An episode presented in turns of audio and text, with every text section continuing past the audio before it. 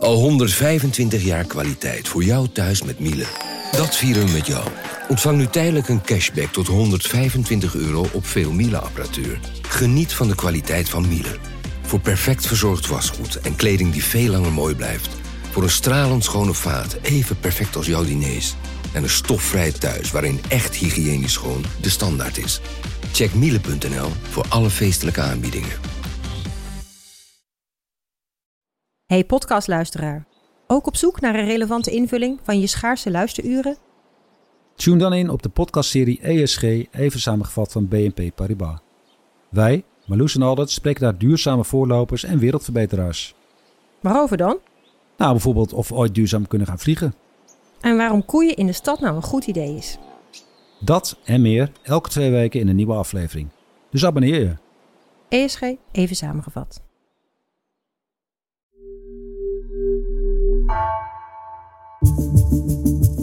Vanaf de redactie van NRC het verhaal van vandaag. Mijn naam is Gabriella Ader.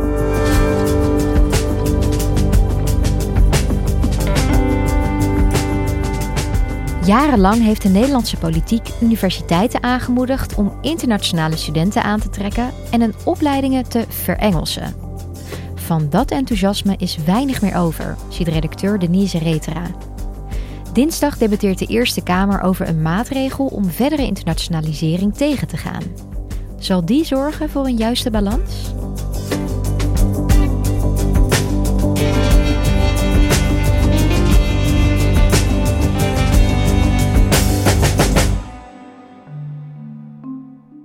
In Nederland studeren er erg veel internationale studenten aan de hogescholen en universiteiten. Op universiteiten gaat het inmiddels om bijna een vierde van de studenten. En ik wilde weten, wat is nou de aantrekkingskracht van Nederland? En daarvoor sprak ik met een groep studenten en uh, inmiddels werkende mensen vooral, waaronder Joanna. I'm originally from Portugal, but I've been in the Netherlands for quite some years because I did my bachelor's here in Nijmegen. And now I do cognitive neuroscience, which is a research master. En zij kozen voor om naar Nederland te, te komen, omdat ze in Portugal niet de studie kon doen die ze graag zou willen doen. Because in Portugal back then, if I wanted to do it from a exact science perspective, I would need to do six years of medicine, and I really didn't like medicine.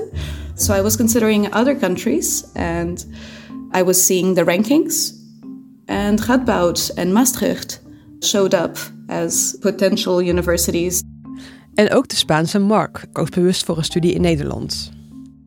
Well, I come from an international background in terms of my education in high school. And the idea is quite that you will continue your international studies by moving abroad. And the Netherlands was always a good option because, uh, of course, the, the English language is very dominant and the economy is really, really strong. Uh, but most predominantly was the fact that the Brexit happened during the times that I was starting to look for uh, universities. And then people started looking around like, okay, where do we go next? Nou, Mark is inmiddels afgestudeerd en Joanna die uh, studeert nog altijd. En uh, ja, beide zijn ze erg positief over studeren in Nederland. I loved to study here. I felt quite welcomed and accommodated for. And then it just became home because I became a an adult here, you know? So now it also has like this emotional attachment, nostalgia kind of dimension to it. I feel extremely safe. I feel extremely capable of going from anywhere that I want. There's a lot of opportunities. So it's definitely a happy place to be. Maar binnenkort kan het wel eens lastiger worden voor internationale studenten zoals Joanna en Mark om in Nederland te studeren. Er is namelijk een wet in de maak die internationalisering moet beteugelen. En uh, nou ja, eigenlijk is iedereen het er wel over eens, ook in het onderwijsveld, uh, dat er nu echt te veel uh, internationals naar Nederland komen om te studeren. Maar ja, er zijn ook zorgen, want universiteiten willen ook niet alle internationals wegjagen. Dus de grote vraag is eigenlijk, hoe vind je de juiste balans?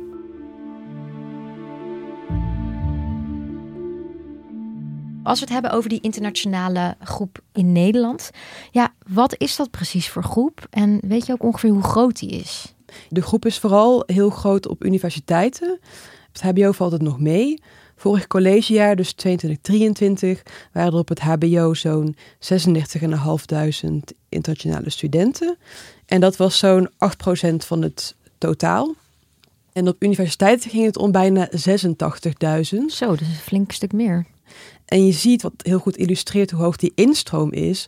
Uh, bij de eerstejaars op de universiteiten was het 40% internationaal. Dus, dus echt bijna de helft van de studenten. Ja, ja. En als je Nederland vergelijkt met andere landen, dan uh, staan wij op de vijfde plek als het gaat om het uh, aandeel internationale studenten. Dat is na Oostenrijk, het VK, Canada en Australië. En daarmee moet ik wel eventjes zeggen dat de VS, China en Singapore niet uh, waren meegenomen in deze studie. En weet jij, want we hebben net de redenen al gehoord van Johanna en Mark om naar Nederland te komen. Wat zijn nog meer redenen dat die uh, Nederlandse universiteiten zo in trek zijn bij internationale studenten? Ja, verder speelt nog vaak mee dat het collegegeld hier relatief betaalbaar is. Zeker als je het vergelijkt met de VS en het VK. Onze opleidingen zijn ook relatief toegankelijk. De meeste hebben geen uh, selectieprocedure. En ja, veel studenten vinden het ook fijn dat Nederland zo veilig, schoon, uh, goed geregeld is. Prettig leven dus. Ja, ja. En nou ja, ook een heel belangrijke reden is dat wij heel veel Engelstalige opleidingen hebben in Nederland. Uh, ook in vergelijking met het buitenland. In 2023 was een derde van de uh, universitaire bachelors in het Engels. En 18% werd zowel in het Engels als in het Nederlands aangeboden. En van de masters werd 76% in het Engels aangeboden en 9% in zowel het Engels als het Nederlands. En hoe komt het dat Nederland dan zoveel Engelstalige opleidingen heeft? Dat is eigenlijk hand in hand gegaan met volop inzetten op het trekken van die internationale studenten. Voor zo'n 30 jaar lang hebben de Rijksoverheid en de Europese Commissie daar echt actief beleid op gevoerd. Zo lang al, 30 jaar? Ja, ja, ja. En nog niet eens zo heel lang geleden zette de toenmalige onderwijsminister Jet Bussemaker nog volop in op internationalisering van het hoger onderwijs. Ze kondigde bijvoorbeeld in 2014 nog aan om jaarlijks duizend beurzen van 5000 euro beschikbaar te stellen voor talentvolle internationale studenten. En er was ook nog een actieplan, Make It in the Netherlands, 2013-2016. En uh, daarin valt uh, nou ja, te lezen dat zij de procedures om hier te komen studeren uh, makkelijker en efficiënter wilden maken, meer informatie in het Engels wilden aanbieden voor die studenten. Vaak is het wel lastig voor hen om hier een baan te vinden om allerlei redenen. Dat wilden ze makkelijker maken. En waarom wilde je het bussenmaker dit zo graag? Ja, het idee was dus heel erg, ook al de jaren daarvoor, dat als je het hoger onderwijs internationaler maakt, dat dat heel goed is voor de Nederlandse kenniseconomie. Want je hebt een veel grotere vijver om uit te vissen. Je kunt talent van over de hele wereld aantrekken. En uh, ze hoopten ook als ze daarmee gaten uh, konden vullen hier in de technische arbeidsmarkt bijvoorbeeld. En ja, ze wilden graag gewoon het visitekaartje van Nederland in het buitenland nog beter en, uh, en mooier maken. En waren de universiteiten daar zelf ook een beetje enthousiast over? Ja, ja, en eigenlijk nog steeds hoor, want de universiteiten zijn ook, onderzoekers zijn vaak internationaal in het Engels. En eh, ze vinden die kennisuitwisseling natuurlijk heel prettig. Dat zeggen ze ook nog steeds van, het is wel nog steeds belangrijk om internationaal te blijven, om talent van over de hele wereld aan te trekken. Uh, studenten kunnen van elkaar leren, onderzoekers, docenten. En wat ook een rol speelt voor de universiteiten, is hun bekostigingsmodel. Want per student krijgen zij geld. En hoe meer inkomsten, nou ja, hoe beter natuurlijk voor hen. Krijgen zij geld per buitenlandse student of per elke student? Ja, wel per elke student, maar voor studenten van binnen de Europese economische ruimte, dat is de EU plus een aantal andere landen, die krijgen dus van onze overheid geld, of althans onze overheid die betaalt de universiteiten daarvoor. Studenten van buiten de Europese economische ruimte, daar betaalt de overheid geen geld voor, maar die betalen zelf een veel hoger collegegeldbedrag. Dus daar verdienen de universiteiten dus ook meer aan dan. Ja. Ja, en heel die internationaliseringsbeweging, uh, die ging eigenlijk hand in hand natuurlijk met meer Engelstalige opleidingen, want dat versterkt elkaar. En dat ging allemaal heel goed, was allemaal heel leuk, tot 2018. Toen begon het echt te knellen. Toen was de instroom echt heel hoog en het nam ook heel snel toe. En het begon te drukken op de universiteiten, met name in steden als Amsterdam, Utrecht, Groningen.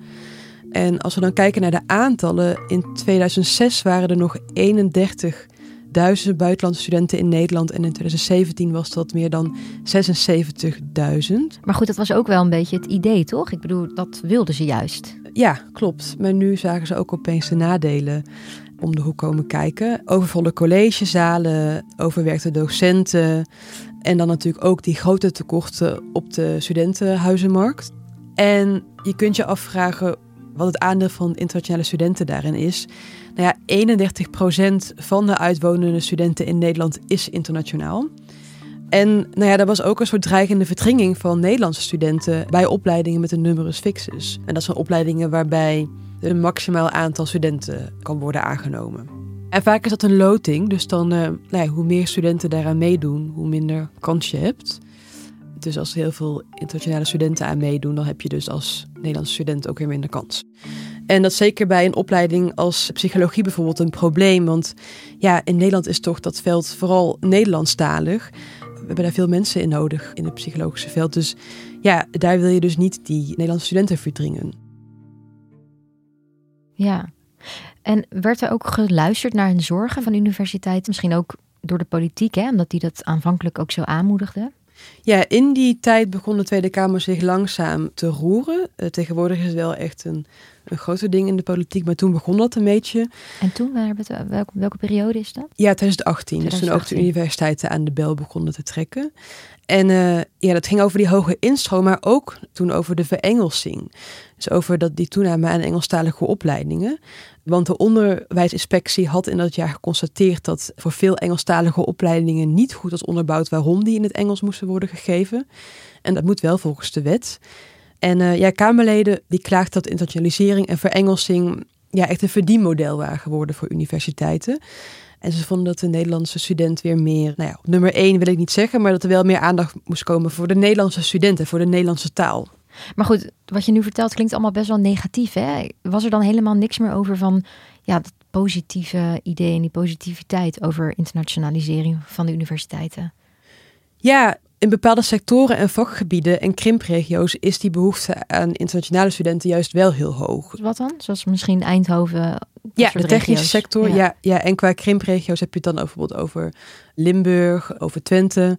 En daarnaast is laatst het rapport uitgekomen van de Staatscommissie Demografische Ontwikkelingen 2050. Een mond vol. Die de gevolgen van de bevolkingsgroei in Nederland heeft onderzocht. En dat was ook wel interessant, want die adviseerde dus gericht beleid, ik quote, op het behouden van internationale studenten in vakgebieden waar vraag er is op de arbeidsmarkt. Ja. En ja, nu blijkt dus uit cijfers dat internationals vooral op de universiteit en dan vooral in de bachelors het vaakst kiezen voor een studie in de richting gedrag en maatschappij. En dat is nou net eigenlijk niet waar we mensen nodig hebben. Ja, precies. Hm. Ja, dus je zou kunnen kijken of je dus meer kan sturen om die studenten hè, op opleidingen in de technische of IT-sector te krijgen. Toch lijken de nadelen van die internationalisering wel zwaarder te wegen. Ook op de universiteiten, maar ook in de politiek. Zijn er uit die zorgen van universiteiten nu maatregelen voortgekomen? Ja, langzaamaan. In 2018 spraken de universiteiten al met elkaar af om uh, minder studenten in het buitenland te gaan werven. En nou ja, dat hebben ze nog wel heel lang gedaan, maar dat begint nu een beetje op zijn einde te lopen. En ook het toenmalige onderwijsminister broedde op maatregelen, maakte plannen, ging ermee aan de slag. En nu, zes jaar later, zet de huidige onderwijsminister dat voort, Robert Dijkgraaf. En hij um, heeft een wetsvoorstel gemaakt en dat heet Internationalisering in Balans. Klinkt mooi, maar mhm. wat houdt die wet in? als eerste een mogelijkheid om een numerus fixus in te voeren op alleen de Engelstalige track van een opleiding. Want nu kun je die alleen op de hele opleiding invoeren. Dat heeft natuurlijk weinig zin om die instroom van internationale studenten tegen te gaan. Ja, want dan pak je eigenlijk ook de Nederlandse studenten meteen aan. Ja, dat doet iedereen gelijk mee in die ja. numerus fixus. En daar vragen universiteiten zelf ook al heel lang om, eigenlijk al sinds 2018.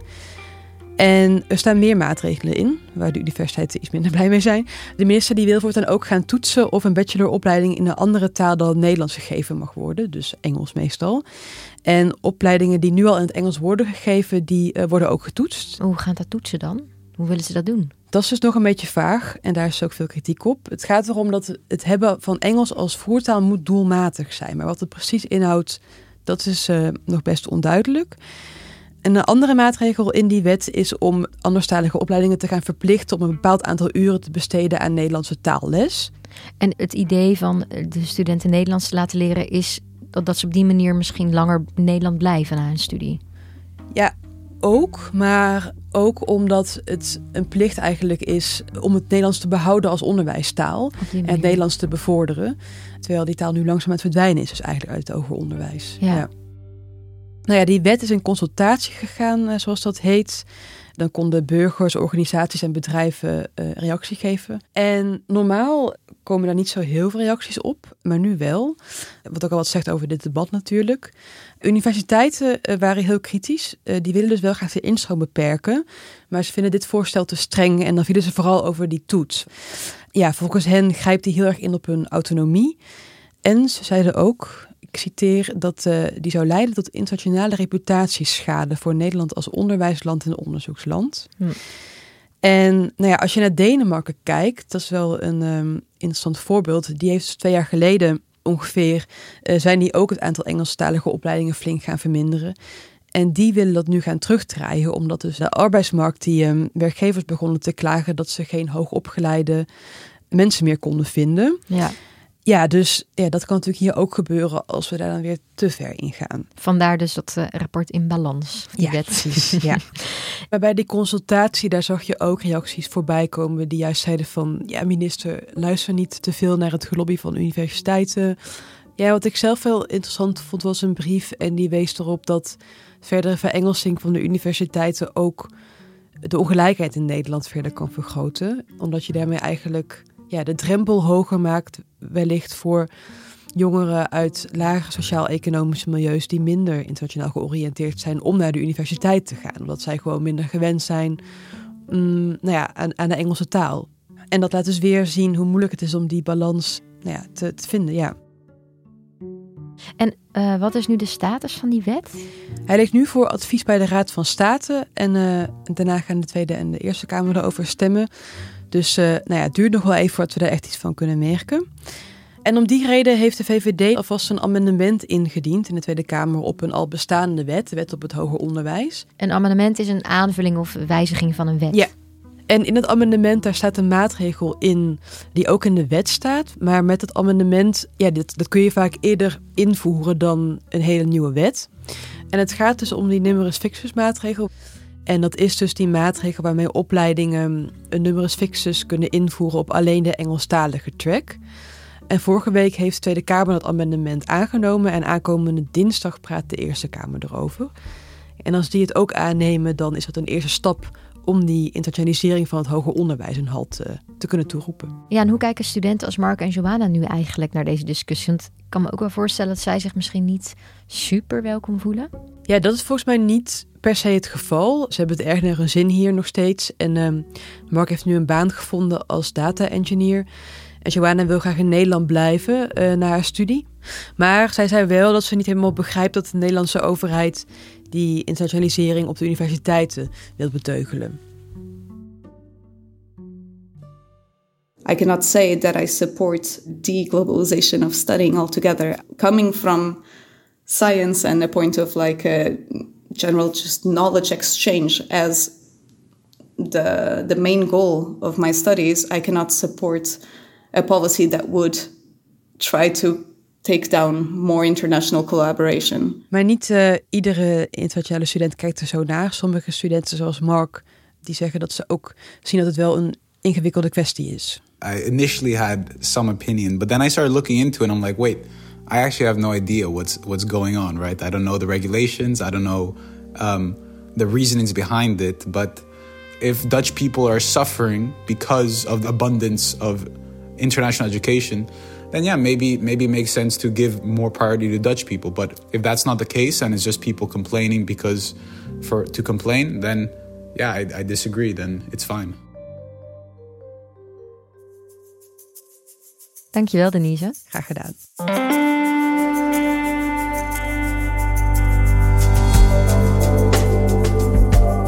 Je luisterde naar vandaag, een podcast van NRC. Eén verhaal, elke dag. Deze aflevering werd gemaakt door Ignaat Schoot, Lotteke Bogert en Jeroen Jaspers. Coördinatie Henk Ruigrok van de Werven. Dit was vandaag, maandag weer.